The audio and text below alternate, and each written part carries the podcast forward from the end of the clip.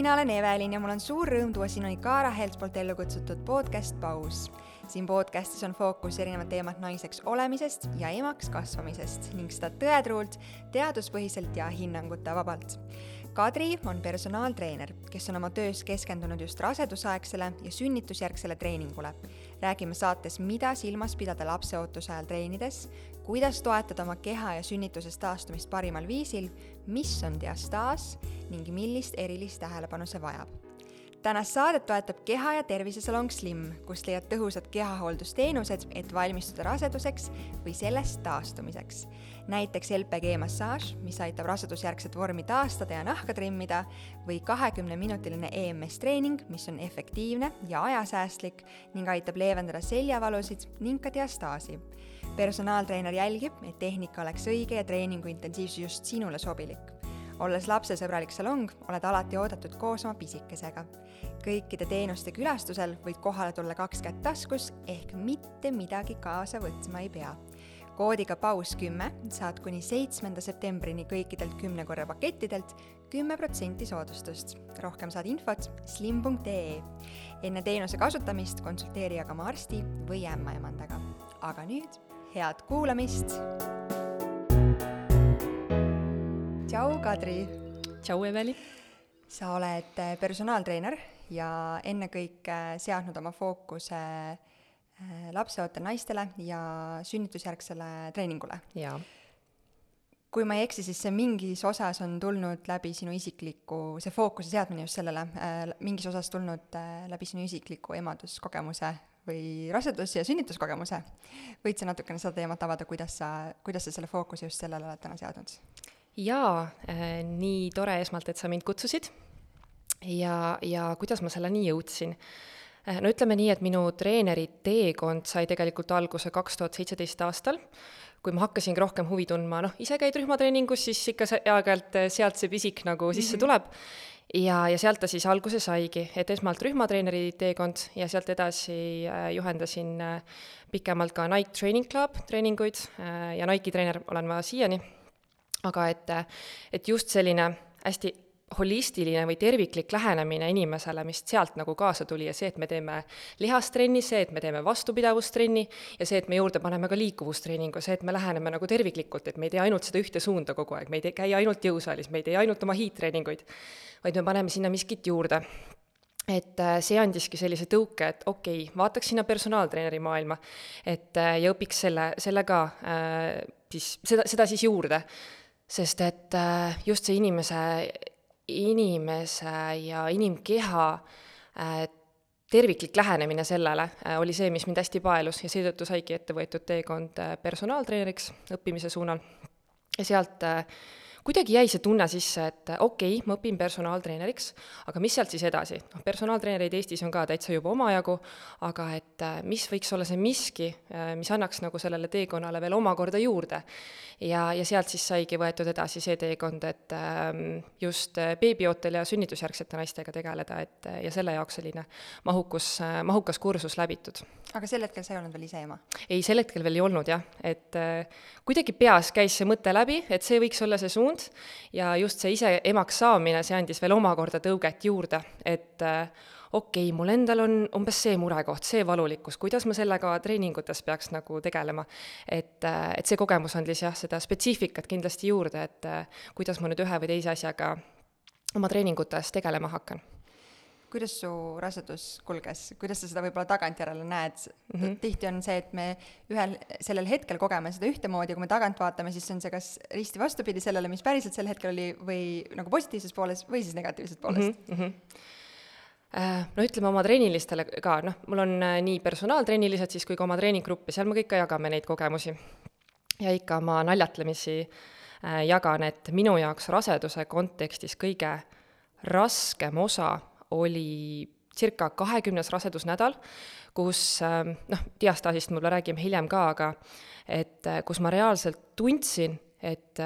minu kõhulihased nagu rebeneksid. et see oli nii selline hämmastav kogemus, ma ei olnud kuulnud, et teistel sellist kogemust oleks olnud, aga reaalselt sellel hetkel, kui see, tegelikult kõht ei olnud ju meeletult sellel perioodil, ta veel nii hullult ette ei ole kasvanud, aga reaalselt, kus sa tunned, et äh, kõhulihastega toimub midagi sellist, et noh, valus on, sa kõnnid, sa tunned reaalselt, et kui keegi sulle nüüd nõelaga kõhtu paneks, siis noh, ma plahvatan nagu õhupall. et äh, midagi seal kõhus hakkas juba toimuma ja pärast seda ma nägin ka selliseid diastaasi ilminguid, et äh, noh, sellest me ilmselt räägime hiljem ka, aga et raseduse perioodil see oli ilmselt minu jaoks kõige keerulisem koht no sealt aeg edasi muidugi, kui kõht läheb suureks, siis hakkavad need omakorda murekohad tekkima, aga noh, see käis asjaga kaasas, tegelikult pigem oli põnev jälgida, kuidas su keha muutub, kuidas mu lihased jaksavad mind äh, oma kõigi nende muutuste juures kanda, et, äh, et see oli selles mõttes hästi, hästi põnev teekond. Ja, ja kindlasti see andis jah, jälle omakorda selle tõuke, et jälle uurida nüüd ongi diastaasi kohta rohkem, jälle uurida nüüd selle kohta, et kui on sümfüüsivalu, kuidas siis äh, sellega ümber käia, kuidas seda oma, seda oma treeningutes arvestada tavaliselt on äh, nii, et äh, vaata, öeldakse, et kingsepal endal pole kingi jalas mm, on -hmm. ju, või siis äh,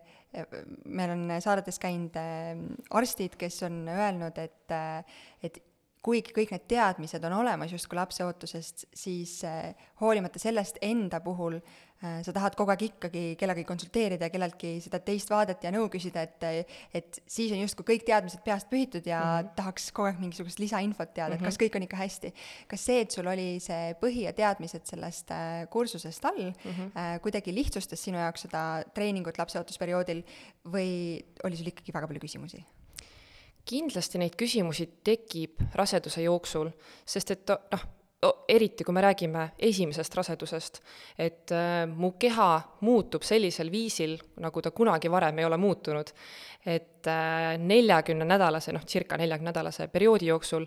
meie keha teeb selliseid muutusi läbi, et mida me eluski ei oska nagu ette kujutada, et okei okay,, me visuaalselt näeme, et see kõhuke tuleb ette, mis on päris suur lõpuks ja mida sa pead oma lihastega kandma, aga teisalt seal on ka teisi kehalisi muutusi, et meie vaagen natukene liigub paigast ära, meie õlad liiguvad paigast ära, mis valulikkusid see omakorda kuskil tekitab, et eh, noh, neid sa ei oska võib-olla niimoodi ette näha ja kõigil need, neid asju ka ei teki, et mõnel võib-olla tekib see väiksem kõhuke ette ja tal ongi kergem olla. Et see on alati hästi individuaalne, et kindlasti see individuaalne kogemus okei okay,, nüüd mul tekkis see pinge kuskil, kuidas ma sellega peaks tegelema. et sa võid selle kursuse läbi vaadata, no ma arvan, et see on ükskõik millise kursusega, sa võid selle läbi vaadata,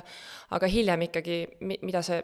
kust see väärtus tuleb, on sealt, et kui sa hakkad praktiseerima või kust sa kas siis omalt pealt, omal nahal tunned midagi, või siis äh, sul on enda ees klient, kellel on need murekohad ja sa hakkad temaga tegelema, et et äh, see kindlasti annab seda äh, väärtust juurde, sest et noh, nendest mahukatest kursustest sa ei jõua seda kõike teadmist korraga omandada aga sünnitusjärgne taastumine ja treening, oli selle puhul sul mingisuguseid, diastaas käisid korduvalt läbi ja mm -hmm. tuleme selle juurde tagasi mm, -hmm. aga midagi, mis äh, sind kuidagi üllatas võrreldes nende teadmistega, mis sul olid, võrreldes sinu enda kogemusega mm? -hmm. ütleme mind väga kui me räägime üllatustest, siis oligi tegelikult hästi huvitav, kuna ilmselt minu kerelihased jah, andsid rohkem äh, järgi raseduse ajal, äh, teadmata siis äh, põhjustel, noh, seal võib olla nii geneetilisi põhjuseid, seal võib olla see, et kas mingid lihased olid a la ületreenitud, liiga pinges, ja sellel tulemusel andsid rohkem järgi. et minu jaoks üllatav oligi see, et kui ma nüüd hakkan trenni tegema, mu lihased ei toimi nagu ühtne tervik. ma näen nagu eh, noh, diastaasi vaates me näeme ju eh, siis eh, selili olles ja pead üles tõstes sageli sellist ettepundumist või selline vagu tekib ette, et siis sa vaatad, okei okay,, mul see lihas töötab täiega üle, miks need alumised lihased ei tööta või et et see koordinatsioon seal lihaste omavahelises töös on kadunud. et see oli hästi hämmastav, aga teisalt ka ma olen selle diastaasi kogemuse eest hästi-hästi tänulik, sest et see ongi mind võib-olla rohkem tõuganud sinna, et äh, iseendaga rohkem tegeleda ja kui mul tuleb ka sellise äh, murega klient, siis ma oskan ka tema, teda ehk läbi oma kogemuse siis äh, rohkem aidata ja suunata. et, et see on hämmastav, et kuidas su keha toimib, need lihased töötavad alguses, aga siis need lihased venivad välja ja nad ei funktsioneeri enam niimoodi, nagu nad ennem funktsioneerisid. et see oli kõige üllatavam, ma arvan. kui vana su laps on? minu laps on nüüd kahe poole aastane. lahe see hästi palju käib kuidagi võib-olla sotsiaalmeediast ennekõike, aga läbi seda väljendit, et äh, ma saan oma keha tagasi või millal ma oma mm -hmm. keha tagasi saan mm. -hmm. ma loodan, et see on, et me selle saate või podcast'iga oleme suutnud kummutada seda, et äh, paratamatult rasedus ja sünnitus muudavad naise keha drastiliselt ja muidugi seda saab treeningu ja eluviiside ja toitumisega mm -hmm. parimal võimalikul viisil toetada, aga ähm, see Helle Nurmsalu ütles hästi saates, et justkui see taastumine sünnitusest või sünnitustest on igavene, aga teisalt mm -hmm. sellised keha normaalsed funktsionaalsused peaksid seal mõne kuu pärast sünnitust yeah. naasma mm. -hmm. kuidas sa täna tunned kaks ja pool aastat mhm. pärast mm -hmm. seda kogu protsessi ja kogemust, kas sa oled oma kehaga seal kohas, kus sul on mugav ja sa tunned kõiki neid lihaseid mm -hmm. ja kõik mhm. teevad sinuga koostööd mm -hmm. ja kõik toimuvad tervik, tervikuna või sa pead ikka igapäevaselt sellega vaeva nägema? ikkagi mingil määral tuleb vaeva näha, et tegelikult äh, ütleme nii, et äh, see, kuidas sul lihased toimivad treeningus, ütleme, ma oskangi oma seda süvakihti aktiveerida, ma tean, et kui ma nüüd, ma ei tea, peaksingi miskil põhjusel neid istesse tõuse treeningus tegema, mis ei ole kõige võib-olla funktsionaalsem või kõi-, või kõige parem kerelihaste treenimise harjutus, küll aga kui neid tuleb ette treeningus, kuskil rühmatreeningus sa teed neid, sa oskad oma lihaseid aktiveerida, nii et et ei teki seda diast-, visuaalselt siis diastaasi siia ette, siis erinev on ikkagi see, et kui sa oled oma igapäevatoimetustes, selles mõttes, et äh, sa igapäevaselt ju ei jaksa oma lihaseid niimoodi hoida, sa ei peakski oma lihaseid niimoodi jaksama hoida. et, äh, et selles vaates ta on ikkagi äh, erinev, see taastumise kogemus. kõikidel on see stardipunkt hästi erinev ja ma usun, et kõik teavad ja me oleme saadetes rääkinud korduvalt, miks on aktiivne eluviis ja liikumine oluline ja miks see just eriti oluline on lapseootuse perioodil aga sellegipoolest on teadmised äh, hästi erinevad naistel, äh, kogemused, äh, varasemad harjumused hästi erinevad. Kui me läheme selle rasedusaegse treeningu juurde mm, -hmm. siis kas on midagi, mida kohe, kui ähm, noh, ma ei tea, kas rasedus teist kahte triipu just näitab või kohe, kui hakkavad mingisugused mm -hmm. füüsilised muutused kehas toimuma, peaks arvestama oma treeningus, et seda kindlasti teha ei tohi, seda kindlasti mm -hmm. nüüd tegema peaks või kuidas, mis sinu treeneri hinnang on, et mhm. selline tavapärane, lihtsalt keskmiselt aktiivset elu elav naisterahvas, mida mm -hmm. peaks arvestama oma mhm. treeningutel? ütleme nii, et äh, tegelikult alguses, nagu sa ütlesid, sa ei pruugigi teada, et sa rase üldse oled, sest visuaalselt sul neid ilminguid ei ole. Äh, küll noh, mõningatel juhtudel need ilmingud tekivad, et kas on see iiveldustunne või siis madal vererõhk, et noh, mingil määral sa võid aru saada, et sa oled rase, teisalt visuaalseid ilminguid ei ole. kui sa oled varasemalt äh, ilusasti trenni teinud, äh, jätka oma tavapärase praktikaga küll aga, kui on minu juurde tulnud naisi, et oo et ma sain teada, et ma olen rase, ma tahaks nüüd ikkagi treeningutega jätkata, teisalt noh, ta mainib mulle nii muuseas ka, et see rasedus tuli hästi raskelt, siis noh, minu jaoks ongi see veidikene nii-öelda häirekell, okei okay,, sa alles said teada, et sa oled rase, see rasedus tuli raskelt. Äh, ma ei ole kindel, kas see tavapärane soovitus, et jätka oma treeningutega nii, nagu sa varasemalt jätkasid, oleks nagu õigel kohal, et et alati ikkagi, äh, kui me räägime treeningutega jätkamisest, siis tervishoiutöötaja võiks olla see, et kes on sind üle vaadanud, selle ras-, raseduse ka kinnitanud ja, ja sealt ka andnud nii-öelda selle rohelise tule, et, et tegu ei ole riskirasedusega, me võime treeningutega samal viisil jätkata. et noh, antud kontekstis see näide, mis ma tõin, seal puhul, äh, kui ma andsingi selle soovituse, et igaks juhuks kontrolli nagu arstiga üle, et kas on okei okay trennidega jätkata,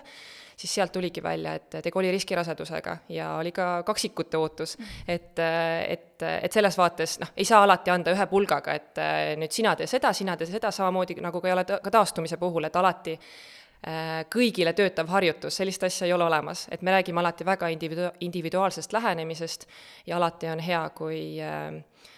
ikkagi see tervishoiutöötaja on ka seal taustal äh, toimetamas ja oma äh, nii-öelda mõtted ja soovitused juurde andnud. et see käib alati asjaga kaasas. aga kui kõik on justkui hästi ja ükskõik, kas see on siis seal rasedus äh, esimestel nädalatel või, või siis, kui see pesastumisperiood on juba toimunud, ehk siis seal kaksteist, kolmteist nädal mm, -hmm. kui justkui enesetunne võiks ka oluliselt parem mm -hmm. olla nendel, kes äh, võib-olla iiveldusega peavad rinda pistma või, või midagi muud, et siis äh, kuida-, kuidas siis oma treeningutega edasi minna või, või nende juurde tagasi tulla mm? -hmm Ütleme nii, et kui rasedus kulgeb täiesti normaalselt, ei ole arst ega ämmaemand andnud mingisuguseid piiranguid, et mis põhjustel ei tohi trenni teha, siis tegelikult võib täiesti jätkata oma tavapäraste treeningutega. et ütleme nii, et selline üldine soovitus, mis ma olen äh, naistele andnud, äh, noh, kui me räägime näiteks pulsitööst, siis on see, et äh, noh, kellel on pulsikellad peal, siis noh, räägitakse mingisugusest optimaalsest pulsist, küll aga on see, et tee trenni sellisel viisil, et kui ma näiteks Eveliniga koos trenni teen, ma saan Eveliniga rääkida samal ajal. ehk siis mu pulss ei lähe nii kõrgele, et ma hingeldan meeletult ja ma tunnen, et sinuga rääkimine on minu jaoks pingutus. et see on pulsi vaates jah, selline, selline üldine soovitus, mida siis võiks, võiks naistele anda. aga et ja, ja muidu tegelikult naiste kehad, eriti raseduse ajal, nad räägivad meiega nagu noh, see sisemine hääl, sa ise tead ka, et noh, ta on sul kuskil seal sees ja ütleb sulle, äh, mida on sinu jaoks mugav teha, mida ei ole mugav teha, et hästi palju ka sellest lähtuda. Ja, ja kindlasti on hea, kui sinna juurde käib ka siis see teadlikkus, et kui me räägimegi, et äh, mida rasedus edasi, et neid äh, istesse tõuse me võib-olla enam niimoodi ei tee, tuleme voodist püsti, püsti ka võiksime ennast külje pealt üles rullida, et kui see teadlikkus käib sinna selle sisemise hääle kuulamise juurde, juurde, siis äh, noh, tegelikult on nagu kõik paigas, et ei tasu nagu karta treenimist, et rasedus ju, nagu me teame, ei ole ju haigus ega ka mingi piirang, mis sind liikumisest piiraks, et pigem see treening aitab just kaasa selleks, et sa oleksid valmis nii sünnitusprotsessiks kui ka sealt edasi taastumisprotsessiks. sa tõid välja istesse tõusud, kas on midagi lisaks sellele, mida, mis mm -hmm. vajaks kuidagi erilist äh, tähelepanu või sellist valvsat silma, et see ei ole võib-olla kõige parem, tuleks mm -hmm. asendada millegi muuga mm? -hmm ütleme nii, et ähm, kui meil kõht hakkabki rohkem raseduse perioodil ette kasvama, siis tuleks täheldada neid kehalisi muutusi, mis sellega kaasas käivad. Ähm, esiteks ongi see, et kui sa näed istesse tõus, tõustes, et tekibki selline ette nagu pundumine või selline nagu kolmnurk tuleb siia kõhu ette keskele, et äh, siis, siis võiks väga tähele, tähelepanelik olla selles, selles osas. et äh, mitte teha selliseid liikumisi, mis siis seda, äh, sellist ettepundumist esile kutsuvad. Need istesse tõusud on kindlasti üks nendest. teisalt see ei ole ainuke harjutus, mis võib need esile kutsuda, sama hästi võib see, see ettepundumine esile tulla ka toenguid tehes, et see oleneb hästi sellest, kuidas sa oma lihaseid kasutad, kui hästi sa nad enda jaoks töösse paned. Ja samamoodi, kui me räägime lihtsalt, ma ei tea, kükkidest, jõutõmmetest, et tegelikult ka nende puhul äh, tuleb, tuleb need kerelihased tervikuna tööle panna, et nad toetaksid sinu kasvavat kõhtu. ja, ja, ja, ja et me ei räägiks juures siin ainult, äh, või me ei räägiks seejuures ainult kerelihaste tööst, vaid tegelikult äh, selle suureneva raskusega Äh, tuleb ka vaeva näha teiste kehapiirkondadega, et eriti tuhar, mis tahab ka rohkem tööd saada, et ta meid toetaks rohkem, ja teisalt ka õlad, mis kipuvad ka hästi palju ette liikuma raseduse ajal, et ka seda osa siit ja rühti sirgena hoida. et see kõik käib omavahelises koostöös. tead, selle tuhara väljatoomise juures see mul on oma kogemus ja ma ikka olen vist saadetes ka mõnel korral maininud, aga kõige raskemaks, ma nautisin väga rasedust ja mul ei olnud nagu otseselt mingeid suuremaid äh, muresid või probleeme, aga seal lõpus need äh, justkui sabakondivalud, mis istudes mm -hmm. ka lühikesel istumisel juba väga teravalt tunda andsid, olid äärmiselt ebamugavad mm. -hmm. ja kui mulle, ma arvan, et äh, Anu, kes Kaaras äh, juhendab joogasid, äh, ütles, et Evelin, see on selles, et sa lihtsalt ei ole piisavalt palju tuharalihast treeninud, siis ma mõtlesin, ai, näed et oleks pidanud mm -hmm. konsulteerima ja targematega nõu pidama. ehk siis oma kogemusest kinnitan, et on oluline, sest teist korda seda tunda ei tahaks. jaa, jaa, selles mõttes, et noh, nagu sa mainid, mainisid seda piirkonda ka, et tegelikult ja sa ütlesid ka, et äh, raseduse lõpus hakkas see tunne tekkima,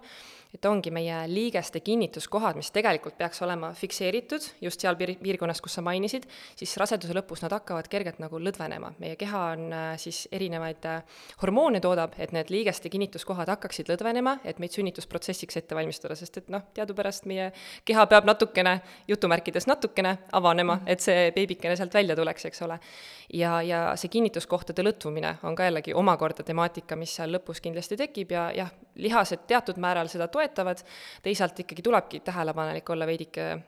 selles vaates, et äh, mis tekitab sinus ebamugavust äh, ja kas siis noh, ühel jalal harjutused, kas neid tol hetkel nagu peab tegema, et võib-olla need oma treeningust välja võtta ja teha seda, mida sa saad teha. et kindlasti mitte läbi valu ennast piitsutada, eriti raseduse perioodil, vaid jälgida, äh, okei okay,, seda harjutust ma praegu ei saa teha, kas sellel on mingisugune variatsioon, et ma saaks harjutust kergemaks teha, või siis äh, võtan selle harjutuse tol perioodil välja, sest et jah, läbi valu miskit tegema ei pea, eriti raseduse perioodil Äh, kõik, kes on äh, rasedust kogenud, äh, ilmselt teavad kaasa rääkida, et üks hetk muutub kõhuli olemine äärmiselt ebamugavaks ja, ja keeruliseks. kas äh, harjutused kõhuli, äh, ma ei tea,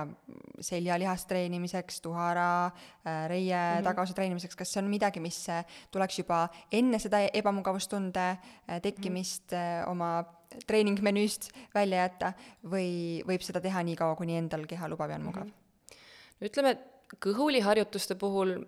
naised ilmselt tunnevad päris kiiresti, et see ei ole nende jaoks mugav teha, siis jah, selles mõttes neid harjutusi ei pea tegema, neid saab vahetada, kui me räägime seljalihaste treenimisest, me saame neid püsti teha ja kasutada seal vastavad, vastavaid abivahendeid. et äh, oma trennides ka üldjoontes ma naisi kõhuli ei pane, sest et noh, teadupärast seal ei ole nagu juba päris alguses väga mugav olla et, et kindlasti need harjutused äh, jah, välja vahetada, et äh, mis, mis sinus ebamugavust tekitavad. ja, ja samamoodi, võib-olla tekitab sinus ebamugavust ka mingisugune külgtoeng, sest et sul on juba, ma ei tea, raseduse ajal kõht on nii suureks ette vajunud, et sa tunned, et see raskus tõmbab mind maa poole, et tegelikult ma ei saa seal harjutuses mugavalt olla. et jällegi ähm, on hea, kui treener on sellest äh, noh, ta visuaalselt muidugi näeb, et sa oled rase, aga teadlik sellest, et millist varianti siis harjutusena sulle anda, et sa saaksid neid lihaseid ikkagi treenida, et ka kui me räägime küljelihastest, neid saab ka püstiasendist teha põlvitusasendis, et me ei pea külgtoengut selle jaoks tegema. et ähm, jah, enda jaoks leida need harjutused, mida sul on mugav teha ma ise küll nende hulka ei kuulu, aga väga paljud armastavad jooksmist mm. -hmm. ja siit käis ennekõike läbi selline klassikaline äh, jõutreening, aga mis sa jooksmise kohta arvad, sa vist fännad jooksmist, on ju? enam mitte, kunagi ammu okay. fännasin, kuni vanus hakkas peale tulema ja põlveliigesed rohkem tunda andsid no,. küll aga ütleme nii, et äh, jällegi ähm, mugavuse, kas see on sinu jaoks mugav äh,, mugavuse küsimus? Äh, ja jah, et kui hästi sa ise tunned ennast, ennast joostes, et äh, noh, enda trenniliste seas ma ei ole näinud seda, äh, et kes seal, ma ei tea, neljakümnenda nädalani jutti nagu jookseb aga, aga noh, maailmas kindlasti on neid naisi, kui see on sinu jaoks mugav, sa tunned, et ma ei tea, ei loksu siin sees nagu midagi hullult, et äh, jumala eest, tee seda treeningut. ja, ja noh, võib-olla natukene jah, seda pulssi jälgida, et kui sul on vestluspartner jälle kõrval, et, et sa liiga kõrge pulsiga treeniks ja alati, kui me räägime sellistest vastupidavustreeningutest, siis kindlasti vesi omal kohal, et ei tohi lasta oma kehal äh, siis olla veevaeguses ja, ja just seda kehatemperatuuri ka jälgida, et võib-olla päris kolmekümne kraadiga ei ole mõistlik rasedana jooksma minna, minna, et et teatud nüanssides ikkagi hoida ennast natuke tagasi, küll aga kui see on sinu jaoks meelisttreening, sulle meeldib seda teha, siis tee seda. Ma ei saa küll väita, et ma viimastel aastatel tohutu suur trenn, trennihunt oleksin olnud, see kuidagi väga piinlik, aga on sellisest igapäevasest rütmist ära kadunud, küll aga ma olen muus osas äh, vähemalt ma tahaks arvata, et olen aktiivne, mulle meeldib väga palju liikuda ja jalutada ja kõndida. Äh, ja raseduse lõpus äh, mul tekkisid äh, rahutud jalad mm, -hmm. vist on selle, on, nimetatakse rahutud jalgade sündroomiks, on ju, et noh, selline meeletu ebamugavustunne mm -hmm. ja ämmaemand, kelle juures ma jälgimisel olin, mm, andis mulle ülesandeks jälgida, et millise ta, millistel päevadel see ilmneb rohkem ja millistel vähem ja millistel üldse mitte. ja siis ma sain võrdusmärgi tõmmata sinna, et need päevad, kus ma rohkem jalutasin ja kõndisin ja liikusin, nendel päevadel see oli nagu oluliselt palju hullem mm. -hmm. kas see on noh, selline üldine aktiivsus ja, ja liikumine on hästi olulised, aga kas mingi hetk võib keha öelda, et kuule, võta nüüd rahulikult ja puhka ka? ei, absoluutselt, et äh see võib-olla käib ka mingil määral nende mõttemustritega kaasas, et noh, sageli ikkagi naised mõtlevad, okei okay,, ma ka raseduse ajal liigun palju, et siis ma umbes seda kaalu juurde ei võtaks nii palju, et siis ma kulutan selle ära kõik, on ju, aga teisalt noh, kõike tuleb teha mõistuse piires, eriti raseduse perioodil, et äh, see ei ole see koht, kus me lähme nüüd jõusaali oma personaalseid rekordeid tegema kükkidega või jõutõmmetega, et äh, hästi mõistusega seda kõike võtta, et kui sa tunnedki, et antud hetkel minu keha vajab puhkust ja, ja see, mida ma teen, ei, ei toida siis mind seesmiselt ega ka siis minu keha, et ma tunnen, et ma olen pigem väsinud rohkem sellest, kui see, et see mulle kuidagi energiat annaks, siis, äh, siis raseduse perioodil kindlasti ei tasu sellist ei füüsilist ega vaimset pinget endale peale panna, et ma nüüd seda pean tegema, sest et see kuidagi mõjub mu kaalule hästi või et noh, kaalu, kaalust see on täiesti teine teema muidugi, et see, seal ei ole ju, me ei räägi ainult treeningust, me räägime ka toitumisest ja muudest nüanssidest, mis veel võivad nagu noh, äh, individuaalses kontekstis sinna juurde tulla, küll aga et jah. puhkus on oluline. just, puhkus on oluline siit käis äh, mitmeid kordi läbi diastaas uh. -huh ja ma saan aru, et see, sa oled selle kohta eriti äh, õige inimene, kellega rääkida, sest sa oled ise selle tee läbi teinud. võid sa kõigepealt selgitada, mis asi see diastaas on mm -hmm. ja miks see oluline on mm -hmm. sellele tähelepanu pöörata mm? -hmm. diastaas on siis ähm, kõhu sirglihase lahknemine, et äh, kõhu sirglihast, see on siis see peamine visuaalne lihas, mida me näeme, et kui inimesed on treenitud, siis see on see jutumärkides nii-öelda six-pack lihas, just. et äh, seda hoiab koos valge joon mis raseduse jooksul siis annab natukene järgi, sellepärast et äh, kuskile peab ju see beebi ära mahtuma. et kui ta järgi ei annaks, siis äh, jah, ma päris hästi ei kujuta ette, kuidas see rasedus äh, seal lõpus täiesti võimalik on, sest et kuskil see ruum peab ju tulema, et meie lihased peavad ju ka kohanema sellega. et äh, ehk siis see ei ole, ma lihtsalt püüan seda ette kujutada, see ei ole võimalik äh, selliselt, et, et kõht kasvab ja beebi kasvab ja, ja rasedus on juba suur mm, -hmm. aga et need lihased on justkui jätkuvalt seal mm -hmm. ühes tükis koos, nii nagu nad on tavaliselt. Mhm. ütleme nii, et äh, raseduste lõpuperioodil tegelikult enamikel naistel see diastaas ikkagi on, et ta on seal olemas, sest et just meie kõhulihased peavad järgi andma, et last, lapsekesele siis ruumi teha teisalt on see, et taastumisperioodil äh, väga sageli see taastumine toimub iseeneslikult, kui meie kehaasendid on paigas ja kõik see, kõik see muu, millest me ilmselt räägime ka spetsiifilisemalt, äh, siis see taastumine võib iseeneslikult toimuda mõne kuu jooksul pärast sünnitust, küll aga teatud juhtudel see iseeneslik taastumine ei juhtu või seda ei toimu ja sellisel juhul võiks siis tõesti spetsialisti poole pöörduda ja täheldada neid, neid märke, et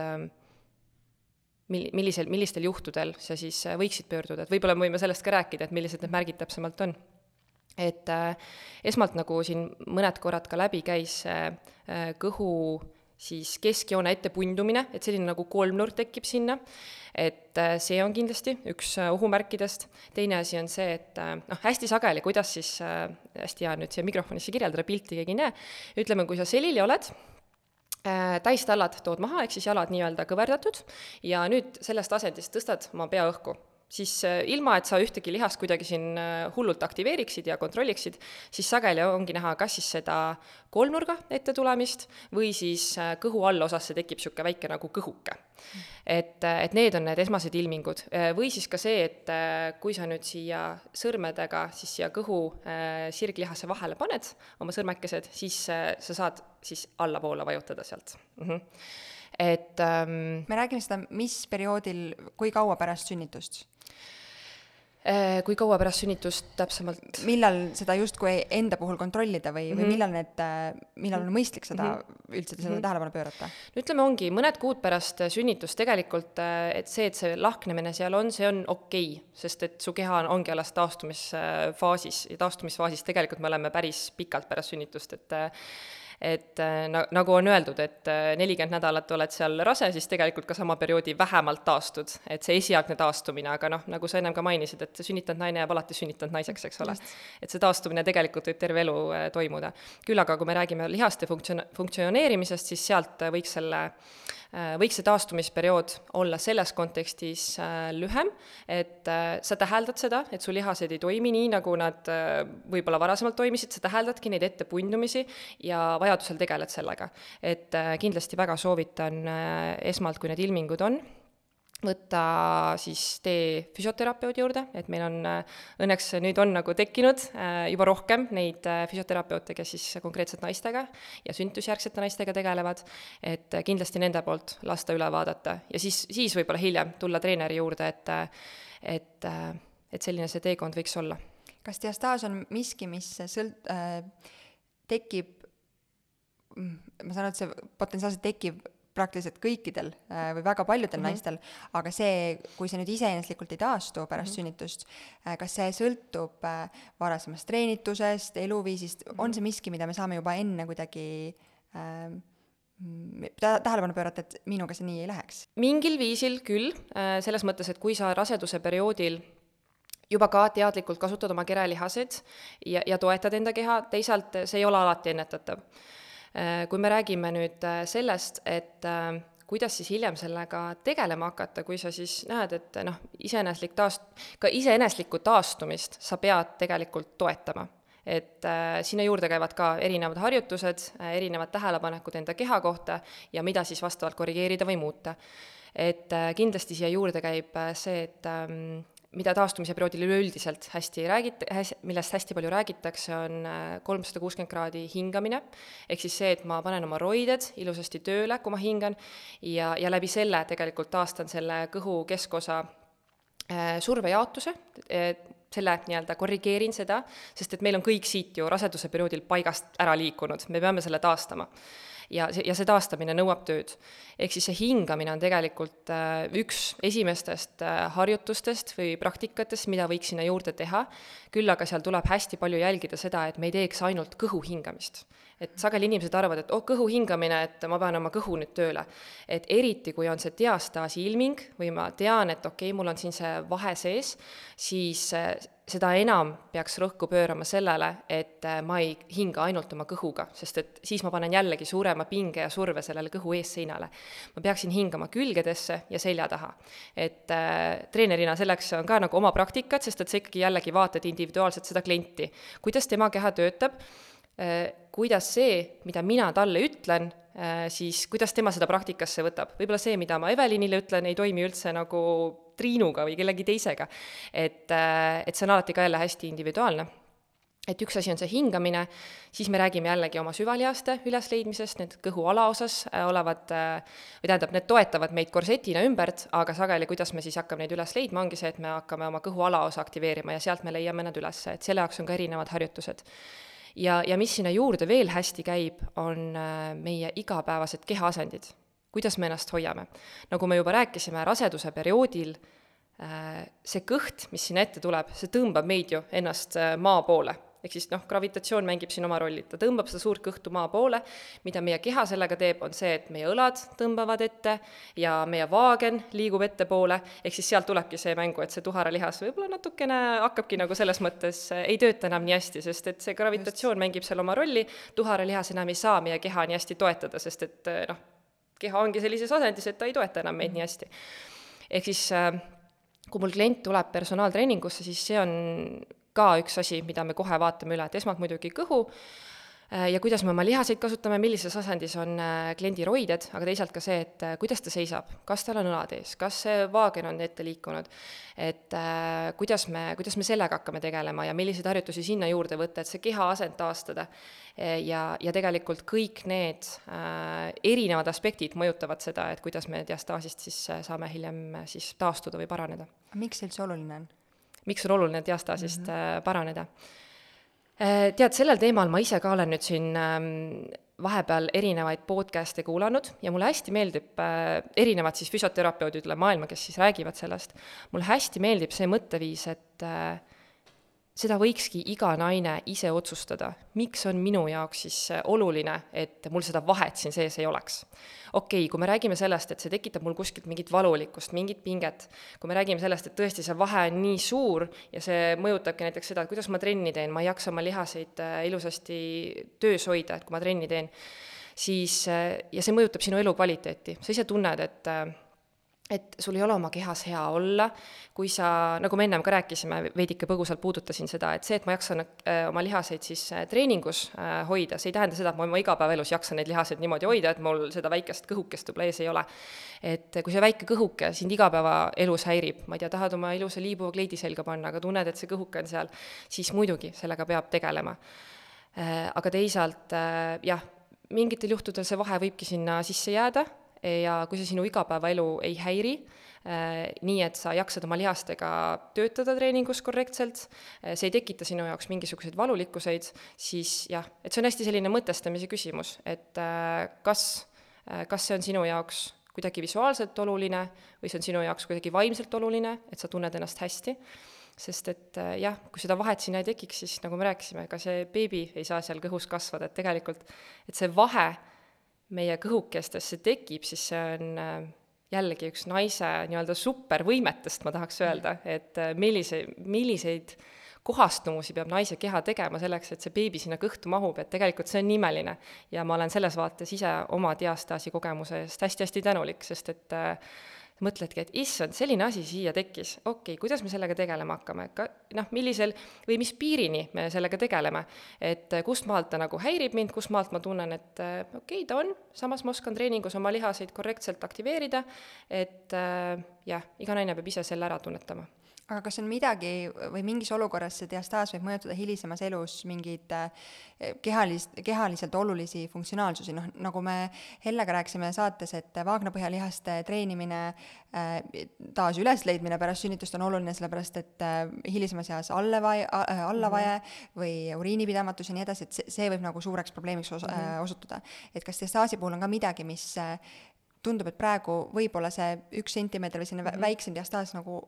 suurt rolli mu igapäevases elus ei mängi, võib-olla see joonekene või mm -hmm. ettepunduv kõht ka -hmm. noh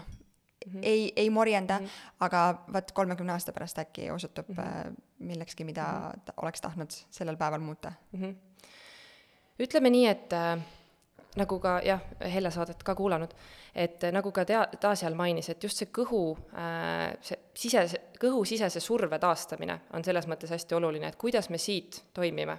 et kui tegelikult see on äh, kenasti paigas ja ongi meie diafragma ja vaagnapõhi, kõik liiguvad omavahel sünkroonis ja kui me oleme selle paika saanud ja siis tegelikult äh, ja, ja me suudame oma kere äh, ilusti lihastega toetada, siis tegelikult noh, see väike vaheke noh, ta ei, ta ei mängi nagu nii suurt rolli. kas aga see mängib rolli juhul, kui on lühikese vahega mitu rasedust? jaa, selles mõttes, et kui on varasemalt äh, diastaasi, äh, ongi esimese rasedusega näiteks oli, sa ei tegelenud sellega, siis jah, on selles mõttes oht, et ta, äh, see vahe läheb veel suuremaks e, ja, ja ongi, sul on noh, ongi kirjalikult noh, raske kanda, sest su lihased ei jaksa sind hoida. et, et jah, sellisel juhul kindlasti see, et kohe järgnev rasedus lühikese vahega, see võib kindlasti ka olla üks faktoritest, mis seda siis mõjutab ja diastaasi siis esinemist suurendab. Üleüldiselt äh, treeningu mõistes, äh, kui on naisi, kelle jaoks äh, on, või kellel on soov saada lühikese vahega mitu last, siis äh, ma olen kuulnud nagu kahtepidi äh, mõtteid või, või soove, et ühtepidi on neid, kes ütlevad, et ei, aga mis ma siin kahe lapse vahel ikka hakkan oma treenitust taastama, et niikuinii ju kohe saab selle, selle suure kõhuga mm -hmm. nulli tõmmatud, et, et ma siis juba, kui kõik need lapsed on kantud ja saadud, et siis ma hakkan tegelema enda keha mm -hmm. taastamisega. või siis on need, kes tulihingeliselt, ei, et ma pean ikkagi igaks raseduseks oma keha ette valmistama, et siis on ka see taastumine lihtsam ja selle võrra parem elukvaliteet mm, -hmm. kummast tiimist sa oled ma just tahtsin öelda, et ma kategoriseeriksin ennast sinna teise tiimi. et äh, noh, nagu me varasemalt ka juba rääkisime natuke, et see, et äh, su lihased jaksavad sind kanda, see tegelikult mu-, äh, kergendab sinu jaoks ka seda rasedusperioodi, sest et sa jaksad oma keha, suurenevat keha nende lihastega kanda ja teisalt ka sünnitusprotsessi, et sul on tegelikult seal ka vastupidavust ja lihaseid tarvis, nagu me sünnitanud naised teame mm et äh, jaa, kindlasti see teine tiim, et äh, tasuks kindlasti hoolimata sellest, kas äh, on plaanis lühikese vahega lapsi saada, et teadlikult tegutseda. sest et kui me ka näiteks sünnitusjärgselt asume oma kerelihaseid, leiame nad üles, kus nad on, kuidas neid korrektselt peab aktiveerima,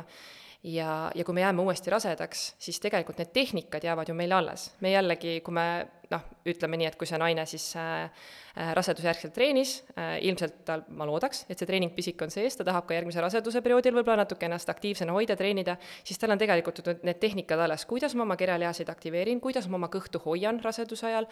et äh, ta ju kannab selle üle oma järgmisesse rasedusse ja seeläbi tegelikult see järgmine rasedus on ka rohkem toetatud nii-öelda tead, mulle, ma alati mõtlen, kui ma ise ei viitsi ennast toast diivanilt välja ajada äh, ja ennast liigutada, siis äh, ma mõtlen selle peale, et ähm, ma tahan olla oma lapse jaoks see lahe lapsevanem, kes jaksab temaga joosta ja hüpata ja batuudi peal yeah. hullu panna ja, ja seda mitte ainult järgmised kolm ega viis aastat, vaid siis, kui ta on kaheksateist ja kakskümmend viis ka, et temaga koos võib-olla ühel päeval ma ei tea, mis võistlusi ette võtta, et see lihtsalt tundub, et muidugi on isiklikult nagu igaüks peaks enda jaoks oma keha hoidma, aga kui on juba lapsed, siis et neil jätkuks seda rõõmu ja lusti ja, ja aktiivsust mm, -hmm. sest ma olen sada protsenti seda meelt, et lapsed võtavad selle aktiivsuse, pisiku ja liikumise yeah liikumise ka kodunt ja vanematelt kaasa mm, -hmm. ehk mhm. siis nende jaoks teha ka seda. jaa, absoluutselt, et selles mõttes ma ise olen ka nüüd äh, veidikene just see suvi äh, rohkem ka koduselt toimetanud, et just ostsin endale uut treeningvarustust koju, et natukene kodus trenni teha lapse kõrvalt, et, äh, et just, et tema ka näeks seda, et liikumine on oluline, see, et äh, noh, vahelt mingist vanusest nad hakkavad ka sind jäljendama, et oo, emme teeb, ma ei tea, kätekõverdust, proovin ka teha, et kuidas see käib et, et see annab tegelikult lastele hästi palju juurde, et nüüd ta ikka ka näeb, et kui ma juba selle hantli välja toon, siis ta ikka jutumärkides, emme, kus su trennilapp on? Ta peab siis treeningmatti silmas. Et emme, ma toon su trennilapi ka. et ongi, et just lastesse ka kasvatada seda aktiivset eluviisi, et kui nad näevad, et ema teeb trenni, ma ei tea, isa teeb trenni, et äh, me ei räägi nüüd sellest, et iga päev peab hullult trenni tegema, just selline tervislik liikumine, et see käib asja juurde ja, ja seda on, on jah, väga mõistlik ja tervitatav just laste ees teha tulles tagasi diastaasi mm -hmm. juurde äh,, mida silmas pidada ähm, diastaasi, kui, kui on teada, et on see diastaas äh,, oma tavapärase treeningrutiini minemisel, et äh, kas midagi on, mida kindlasti jällegi teha ei tohi, midagi mm, -hmm. midagi kindlasti tegema peab mm? -hmm ütleme nii, et äh, võiks ikkagi konsulteerida inimesega, kes teab selle kohta natukene, sest et äh, noh, ikkagi kahjuks väga sageli näeb naisi minemas treeningsaali pärast rasedusi, et oh, need kõrge intensiivsusega trennid, ma lähen sinna oma seda nii-öelda väikest seda beebipolstrit maha kulutama, aga teisalt nende, nendes kõrge intensiivsusega trennides no ma, ma ei saa väita sada protsenti naisi, aga ikkagi väga suur protsent naisi, nad ei oska või nad ei suuda tegelikult oma kirelihaseid kontrollida üldse, et kuidas minu lihased selle harjutuse jooksul äh, koos toimetavad, et eriti, kui me räägime hästi tempokatest harjutustest, et, kuidas ma oma kere kaasan, et tegelikult samamoodi, et kui ma ise ka äh, nendes kõrge intensiivsusega trennides käin, ma teen ka vahepeal, võtan selle tempo aeglasemaks just sellepärast, et ma jaksaks oma lihaseid äh, vastavalt hoida, nagu nad peaksid olema hoitud et, äh, et kindlasti see teadlikkus võiks sinna juurde käia, et äh, vastava spetsialisti juurde äh, ennem minna, kas on see füsioterapeut või on õnneks mõningaid treenereid on ka tekkinud Eestisse, kes on tegelemas selle valdkonnaga, et nende juurde minna ja, ja ka vastavalt esmalt üle vaadata, esiteks ongi, kas me, kui, kui laiast vahest me räägime, kui sügavast vahest me räägime, et see on ka erinevad äh, teemad sealjuures. siis teisalt see, et äh, milline on äh, meie roiete siis nurk, kas meie roided on väga laiali, kas meie roided on rohkem kokkupoole et sellest ka hästi oleneb see, et milliste lihastega me täpsemalt peame tegelema hakkama, pluss siis sinna juurde tuleb ka see kehaasend. et äh, kui sa lähed lihtsalt trenni ja sa ei ole üldse teadlik nendest äh, nüanssidest, et kas mu lihased siin kere keskusas töötavad hästi, kas mul on see survejaotus õige, kuidas mu kehaasendid on, millised, milliste harjutustega ma üldse peaks hakkama trenni tegema, siis, siis jah, sa võid rohkem endale kahju kui kasu teha sellega ma saan aru, et siit tuli välja see selline nupuke, mida meeles pidada, et äh, kui valid endale valdkonna spetsialisti, et siis püüda valida keegi, kes on just sellele spetsiifikale ka keskendunud, et äh, täiesti ilmselge on see, et neid äh, teadmisi ähm, ja valdkondi, mida väga-väga kompleksse inimkeha juures äh, silmas pidada on ääretult palju mm. ja kõik treenerid ja personaaltreenerid ei saagi olla kõigele äh, keskendunud ja pühendunud. ehk siis äh, püüda leida endale see, kes mm -hmm. sinu eesmärke ja, ja ka erisusi toetab? jaa, absoluutselt. et selles mõttes see ei ole ka nagu tõesti reaalne, et iga personaaltreener teab nende asjade kohta, aga teisalt noh, väga mõistlik oleks, kui see treener teaks soovitada kedagi, et kuule, et ma tean, et see inimene tegeleb sellega või siis äh, see füsioterapeut, mine palun tema vastuvõtule, ta näitab sulle korrektseid tehnikaid. Ja kui sul on see baas all, need teadmised ja see, et kuidas oma kerekeskusaga hästi toimetada, siis, äh, siis liikuda nende tavapäraste treeningute juurde tagasi, et, et, et siinkohal võib-olla väga julgustaks ka eh, erinevaid siis personaaltreenereid, et kuna Eestisse Äh, just selle spetsiifikaga või sel-, selle klientuuriga tegelevad treenerid ei ole väga palju kahjuks, et ikka aeg-ajalt mu käest küsitakse, et kus seal linnas, kas keegi tegeleb, kas seal tegeleb, et äh, neid treenereid ei ole väga palju. ja tegelikult meil on äh, maailmas või interneti teel on kätte saadud väga suured ja laiapõhjalised kursused, ma ei räägi lihtsalt mõne YouTube'i video vaatamisest, see ei ole kindlasti see, aga laiapõhjalised kursused erinevatelt tipptasemel füsioterapeutidelt, kes räägivad seda nagu väga-väga mitmete päevade viisi materjalidega äh, räägivad äh, läbi, kuidas äh, hästi siis nende, selle klientuuriga tegeleda, et neid treenereid võiks olla veel, kes seda teekonda tahaks ette võtta ja selle klientuuriga tegeleda, sest et et noh, nagu me teame, neid inimesi ja neid naisi tuleb ju järjest peale ja kui oleks seda teadlikkust rohkem, kuidas oma kehaga tegeleda, siis neid vaevusi, sünnitusjärgseid vaevusi ja äh, oleks ka ikkagi jah, tunduvalt, tunduvalt vähem, et oleks tore, kui naised saaks oma keha eest teadlikult hoolitseda eriti ma saan aru, sest diastaas on küllaltki sage probleem. jaa, ta võib äh, olla küllaltki sage probleem, et äh, endiselt ta ei pruugi olla hiljem kõigil äh, olemas, just see, et kui see esmane äh, periood siis sellest taastumisest on siis minetatud, et äh, ta ei pruugi kõigil muidugi jah, nagu ennem sai ka räägitud, jääda, aga, aga just see, et,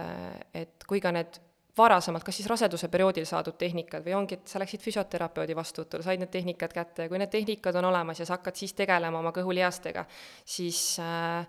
siis jah, aga naised saaks teadlikumalt tegeleda, kui nad äh, teaksid, kelle käest küsida ja, ja võtaksid selle teekonna ette, et ma nüüd tahan teadlikult tegeleda, mitte kohe muretseda nende äh, mõne väikese beebikilokese pärast, mis sul peal on, et äh, pigem teadlikumalt kui see, et ma nüüd ruttu hüppan, et saada oma, ma ei tea, peenike talje tagasi, et kas see on päriselt see eesmärk või siis eesmärk on see, et ma saaksin treenida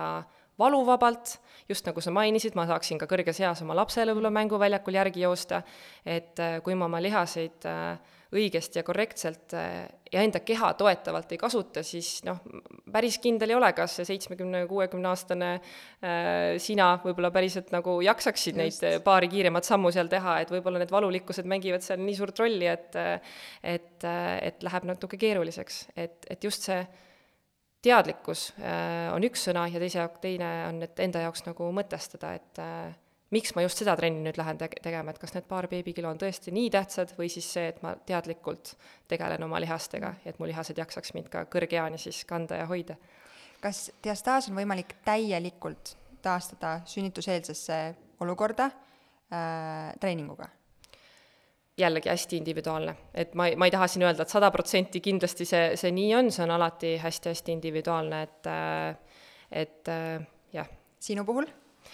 Täna kaks ja pool aastat hiljem? ütleme nii, et mina endiselt tegelen selle puhkeasendi nii-öelda keha, kehahoiakuga, et äh, ikkagi ma enda puhul lavastan ka mingeid nüansse, et okei okay, äh,, kuskilt see lihas on pinges, see tõmbab seda lihast siit, see lihas enam nii hästi ei funktsioneeri, sest et teine lihas kuskil on pinges, et, et see on see nii-öelda holistiline lähenemine kehale, et, et see, et sa ei jaksa ühte lihast tööle panna, et minul on näiteks äh, roided ulatuvad hästi välja ma pean sellega tegelema, et siit lihased omakorda veel tööle saada rohkem. Äh, aga see võibki täiesti oleneda sellest, ma võib-olla hakkan selle lihasega siin hästi toimetama, mis neid roideid peaks alla tooma, teisalt on see, et kuule, aga äkki mul on selg hoopis pinges, mis ei lase nendel lihastel hästi toimetada ja mis tõmbavad mind tagasi. et äh, jällegi, hästi teadlikkuse aspektist tuleb enda, endaga tege-, tege-, tegutseda ja, ja see, et sa jaksad treeningus hoida oma kõhulihaseid äh, nii, nagu nad peavad olema, see ei tähenda seda, et äh, noh, me ei peagi ringi kõndima nii, et meil on kogu aeg kõik lihased on hästi aktiivsed. aga see, et just see äh, kehahoid ja asend selliselt äh, taastada, et äh, ja lihaste töö selliselt taastada, et nad teeniksid sind nii, nagu sina soovid, et nad sind teenivad. Aga ma saan aru, et üleüldiselt sellel sünnitusjärgsel taastumisel on oluline roll mitte ainult pöörata tähelepanu oma kehale ja lihastele Äh, trennisaalis või äh, mati peal kodus, vaid ka siis igapäevaseid toiminguid tehes, et kui me, kuidas me last tõstame, äh, kuidas me, ma ei tea, poekotte raskeid tõstame, kuidas me üldse köögis toimetame, et oleks rüht korrektne. Ja, ja, ja võib-olla kergelt ka korsetilihased ja vaagnapõhjalihased toetatud. et see vajab sellist, nii nagu sa oled korduvalt välja toonud, holistilist lähenemist üleüldiselt oma kehale ja, ja tegemistele. jaa, absoluutselt et äh, noh, trennisaalis ma ka oma siis treening, trennilistele ütlen sageli, et äh, see, mida te praegu siin trennisaalis teete tund aega, see on kõigest tund sinu päevast. see, mida sa ülejäänud aja teed, siis noh, sellel on ikkagi natukene suurem kaal. et ma võin siin sulle praegu rääkida, et kuidas äh, millist lihast umbes sa peaksid treenima, oma, et oma rühti paremaks saada, kust võiksid võib-olla natukene lõdvemaks lasta, et see lihas on sul noh, üle pinges, see töötab liiga üle, siis teisalt ongi see, et kas see naine võtab selle teadmise, mis ma talle ütlesin või jagasin, ka koju kaasa või siis kodus jätkab täpselt samade mustritega, mis ta seni on teinud. paneb selle lapse oma sinna vasakule puusale, lükkab selle puusa siit välja, see naine tuleb mul treeningsaali tagasi, ma näen, et okei okay,, me hakkame kükke tegema, aga see puus liigub jube kahtlaselt, kuule, mis värk sellega on, et kas hoiad oma last seal puusal? jaa, vist hoian küll. et, et just need igapäevamustrid ja kuidas me oma keha hoiame, et mängib hästi-hästi suurt rolli, et me saame muidugi jah, lihaste, lihastega toetada, käid jõusaalis, saad lihast tugevamaks, lihas jälle kannab sind paremini, aga teisalt, kui me oma oma igapäevamustreid ei muuda, kas või see, et me istume autoroolis niimoodi, et meil on ühelt poolt roided ulatuvad välja hästi, et noh, et jällegi mõtle, et kas ma istun kogu aeg niimoodi, kui ma lähen nüüd treeneri juurde, treener vaatab ka, et mul on roided hästi väljas, äkki see tuleb sellest, et ma nagu hoiangi seda päris pikalt nagu, eriti kui ma sõidan mingeid pikki vahemaid, ma juba hoiangi enda keha kogu aeg niimoodi. Et äh, ma ei lahe, lasegi tegelikult lihastel oma tööd teha, sest ma olen kogu aeg mingis sellises kummalises asendis et äh, see mõjutab kindlasti hästi-hästi palju ja kindlasti rohkem kui see, et mis me jah, tunni aega seal treeningsaalis ära teeme. tead, selle jutu peale ma tahaks nüüd hirmsasti nüüd oma asendit korrigeerida ja mul on tunne, et, et sa kogu aeg ka ähm,, mul on nii kahju, et kuulajad ainult kuulevad ja ei, ei näe pilti, aga sa pidevalt ka to-, to-, tood ise oma õlgasid äh, allapoole ja kuidagi selga sirgemaks, et äh, ma siis kohendan ka. aga kas diastaaži kohta on midagi veel, mis on oluline välja tuua ähm,? Sa tõid välja selle, kuidas seda üldse märgata äh, enda puhul mm, -hmm. millal seda äh, millal sellele tähelepanu pöörata ja mm, -hmm. ja kuhu pöörduda mm, -hmm. aga on midagi, mis mainimata jäi veel selle kohta ähm,? pigem mitte, küll aga noh, ongi, kui me räägime diastaasi kontekstist ja üldse, et kuidas me oma kerelihaseid kasutame, et see ei ole ainult noh, kui sa tuled mul treeningmatile, ma vaatan, nagu ma ütlesin, ma vaatan üle su kehaasendid, kuidas on, millises, äh, kuidas sinu roided paiknevad, kuidas sa oma kerelihaseid aktiveerid, kuidas sa oma alakõhtu oskad aktiveerida, kuidas sul lihased kõhus tervikuna töötavad, kuidas sa seda hingamismustrit teed, millest me rääkisime, kolmsada kuuskümmend kraadi Äh, hingamine. teisalt on siin hästi oluline see, et kui me teeme siis mati peal selle töö ära, et kuidas me nüüd hingasime, kuidas me oma kere aktiveerisime, kui me läheme jõusaali ja võtame sealt nüüd need harjutused ette, on need kükid, kätekõverdused, mis iganes harjutused nad on, siis äh, kuidas sa seal jaksad oma kere hoida? Kas sa jaksad seal samamoodi hoida või siis äh, sa surudki kogu selle pinge ja surve vaagna põhja, et mis, mida ei peaks tegema siis, eks ole, et äh, et üks asi on jah, see matil töötamine, teine asi on see, et kui me nüüd reaalselt jõusaali läheme ja võtame siis kogu selle praktika, mida me oma kerega siis, millist tööd me tegime mati peal, kuidas me seda jõusaalis hakkame äh,, hakkame siis praktiseerima, et see, sellele peaks kindlasti hästi palju tähelepanu pöörama ja samamoodi, et see ei ole ainult jõusaali harjutused, need on needsamad igapäevased liikumised, millest me rääkisime. et, äh, et sellele paneksin südamele, et äh, tuleks hästi palju tähelepanu pöörata, et eriti diastaasi kontekstis et äh, kuidas me oma kere keskosa siis äh, hoiame ja kanname treeningut tehes äh, kui ka siis igapäevatoimetusi tehes. on sul mingid äh, kolm, näiteks kolm äh, olulist mõtet äh,, mis anda lapseootel naisele just üldiselt treeningu äh, või aktiivse eluviisi kontekstis mm? -hmm. Äh, nagu ma eelnevalt ka sai öeldud, et kui tegu ei ole just riskirasedusega, ei ole mingit äh, põhjuseid, miks ei peaks trenni tegema, siis kindlasti selline igapäevane liikumine, kergelt võib-olla kardiotreening, selles mõttes, et kas see on võib-olla tempokam jalutamine, on väga omal kohal, äh, ja sinna juurde võiks kombineerida lihastreeningut, et me ei räägi ainult, et nüüd ainult jalutamisest, kui ka tegelikult juurde võiks tulla lihastreening, et jällegi seda muutuvat keha hästi-hästi toetada. et, et see oleks kindlasti üks, teisalt on see, et äh, kasutadagi oma kirelihaseid ka raseduse perioodil äh, väga teadlikult. Et äh, mitte töötada ühe lihasega liiga üle ja liiga tugevalt seda pinges hoida, aga teadlikult just äh, seda, seda kihti, mis, mis peab toetama sind ja just seda kasvavat kõhtu et seda on hästi huvitav ja lahe vaadata, et kui ongi trennis on no juba selles mõttes suure kõhuga rasedad, et mul trennides vahel on ka, et need neljakümnenda nädala, neljakümnendal rasedusnädala naised ikka vahepeal teevad jõusaalis niisuguseid imetegusid, et vaatad, et noh, nad teevad selles mõttes teadlikult seda, et nad mitte ennast kahjustavalt, aga naised tegelikult jaksavad ja see on tegelikult väga äge vaadata. et nad teavad oma piire, nad ei lähe neid piire raseduse ajal kompama kuidagi, see ei ole kindlasti see koht, aga teisalt noh, nagu me ütlesime ka, rasedus ei ole haigus ega mingi piirang, mille pärast liikumist äh, siis piirata, et äh, et just see, et see lihastreening käib ka sinna hästi-hästi-hästi juurde. ja, ja mis veel, kirelihaste töö, selle, sellest rääkisin et äh, jaa, see mõte, mis ma tahtsin öelda, et hästi lahe on näha, kui äh, naised äh, raseda kõhuga siis oma süvalihaste kihti aktiveerivad, siis see kõhuke, mis neil ees on, nagu tõuseb kergelt ülespoole, sa vaatad, issand, kui lahe vaatepilt, täpselt õiget asja tegid, mis ma tahtsin näha, et sa teeksid. et neil on nagu visuaalselt seda hästi vahva näha. et just see, et lihased õigesti töötaksid ja teisalt ka jälgida nagu üleüldiselt oma kehaasendeid, kuidas mu vaagen asetseb, kas ma lükkan teda liiga ette, kui ma lükkan teda liiga ette, kas ma peaks kuskilt mingit lihaspinget vähendama, sest et see, et meie kõhud äh, raseduse all siis, äh, raseduse all need kõhud ette tulevad, siis see tõmbab ka meie seljalihased hästi pingesse, tegelikult peaks tegelema selja liikuvusega hästi. et äh, üleüldiselt jälgida seda, et mis muutused kehas toimuvad ja, ja teadlikult läheneda neile et, et seetõttu küll soovitan, et äh, esmalt teadliku inimesega rääkida sellest ja konsulteerida ja, ja siis äh, treeningsaali minna ja oma treeninguid teha, sest et jah, see, mida sa teed raseduse ajal äh,, kui sa oled raseduse perioodil aktiivne, siis nagu eelnevalt sai ka mainitud, et ilmselt see kandub üle ka sünnitusjärgsesse aega, sa tahad uuesti olla aktiivne ja sa tahad enda keha eest hoolt kanda. Et aga kindlasti, et võiks seda teha teadlikult ja mitte ennast, ennast lõhkuvalt, sest et kui kohe naasta pärast rasedust nende kõrge intensiivsusega trennide juurde, siis äh, paratamatult pigem sa võid endale liiga teha, kui see, et, äh, et äh, jah, need beebikilokesed sealt kaovad, et, et mis mi,, mida sa siis kaalukausile siin täpsemalt nagu paned enda jaoks? see vist ei ole reegel, et alati on midagi, mis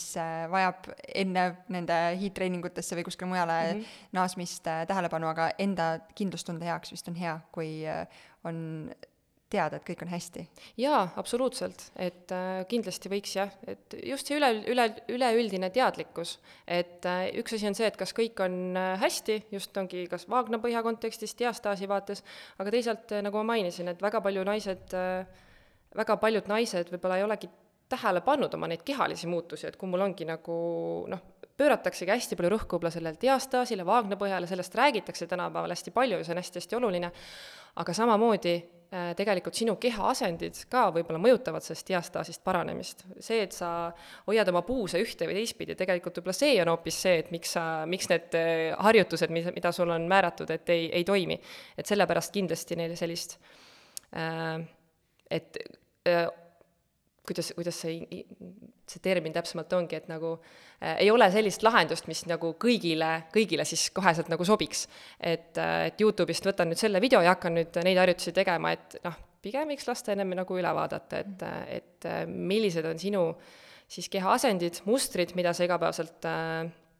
oma, oma kehaga siis äh, kuidas sa oma keha kasutad ja mida sa teed igapäevaselt, ja siis sealt vastavalt hakkama, hakata siis toimetama, et, et ma veidike selles vaates oleks äh,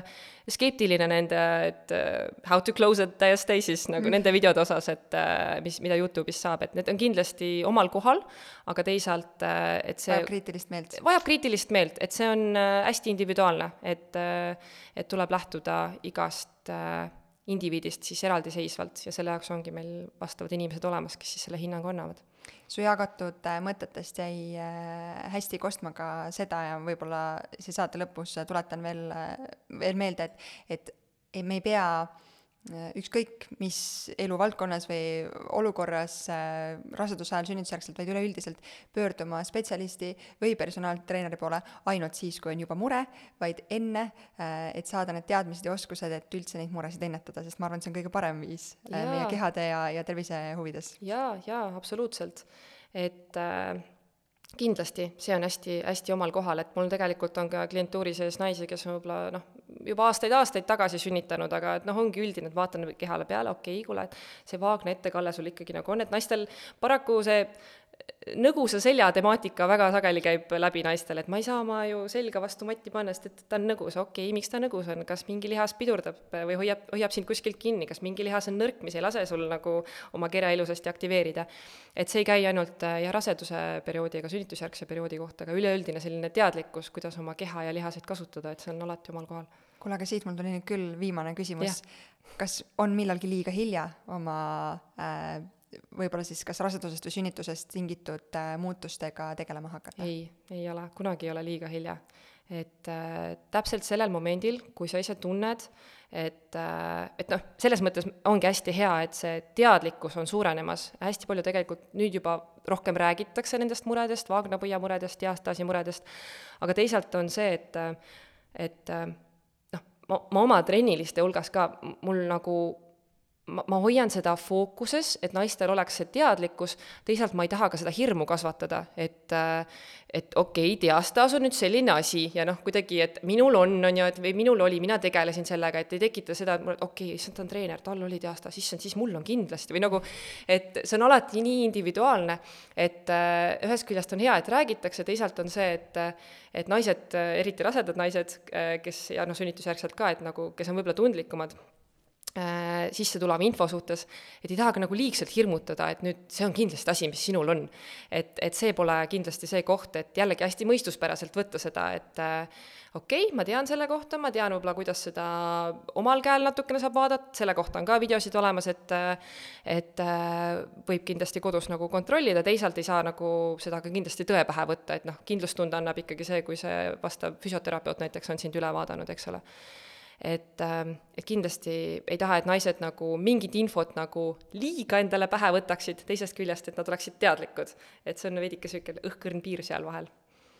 aitäh sulle nende jagatud äh, mõtete ja teadmiste eest, ma olen enam kui kindel, et need äh, loovad palju väärtust ja tuleta veel meelde, et või, või kinnita, et äh, puhkus on ka omal kohal. jaa, puhkus on omal kohal, ma just naeran ikka seda, et äh, minu trennilised küsivad ka, et oota, mit-, kas sa, sa käid viis korda nädalas trennis? ei, ma ei käi viis korda nädalas trennis. et äh, täiesti enda selles mõttes enesetunde järgi, et äh, täna tunned, okei okay,, natuke tahaks, et lihas, lihased saaks tööd, on ju, et kuidagi selge, noh, et vajudki kuidagi väga lössi ära, et okei okay,, võiks natukene lihastele tööd anda, on ju. et äh, täiesti enesetunde ja mõistuse piirides ja just seda trenni teha, mida sina tunned, et see trenn on minu jaoks see, kellegi jaoks on see jooga, keegi teebki neid vastupidavustrenne, et äh, lihtsalt kui sa vastavasse siis treeningusse lähed, oled sa siis rase või sünnitusjärgne, et siis hästi see teadlikkus võiks sealjuures nagu käia, et äh, ma tean, kuidas mu keha töötab, ma tean, et see harjutus võib olla, okei okay,, ma ei tunne ennast selle harjutusega mugavalt, ma seda võib-olla ikkagi ei tee, aga ma tean, kas ma tean ise seda modifikatsiooni või ma küsin treeneri käest, äh, kes ehk oskab selle modifikatsiooni ka sulle anda et hästi selline jah, mõistuspärane lähenemine sellele, et äh, treeningule kui ka liikumisele, et äh, liiga palju miskit ei ole kunagi hea et puhkus on oluline, aga meie kehad on ikkagi loodud liikuma. absoluutselt. aitäh sulle. aitäh sulle. tšau. tšau.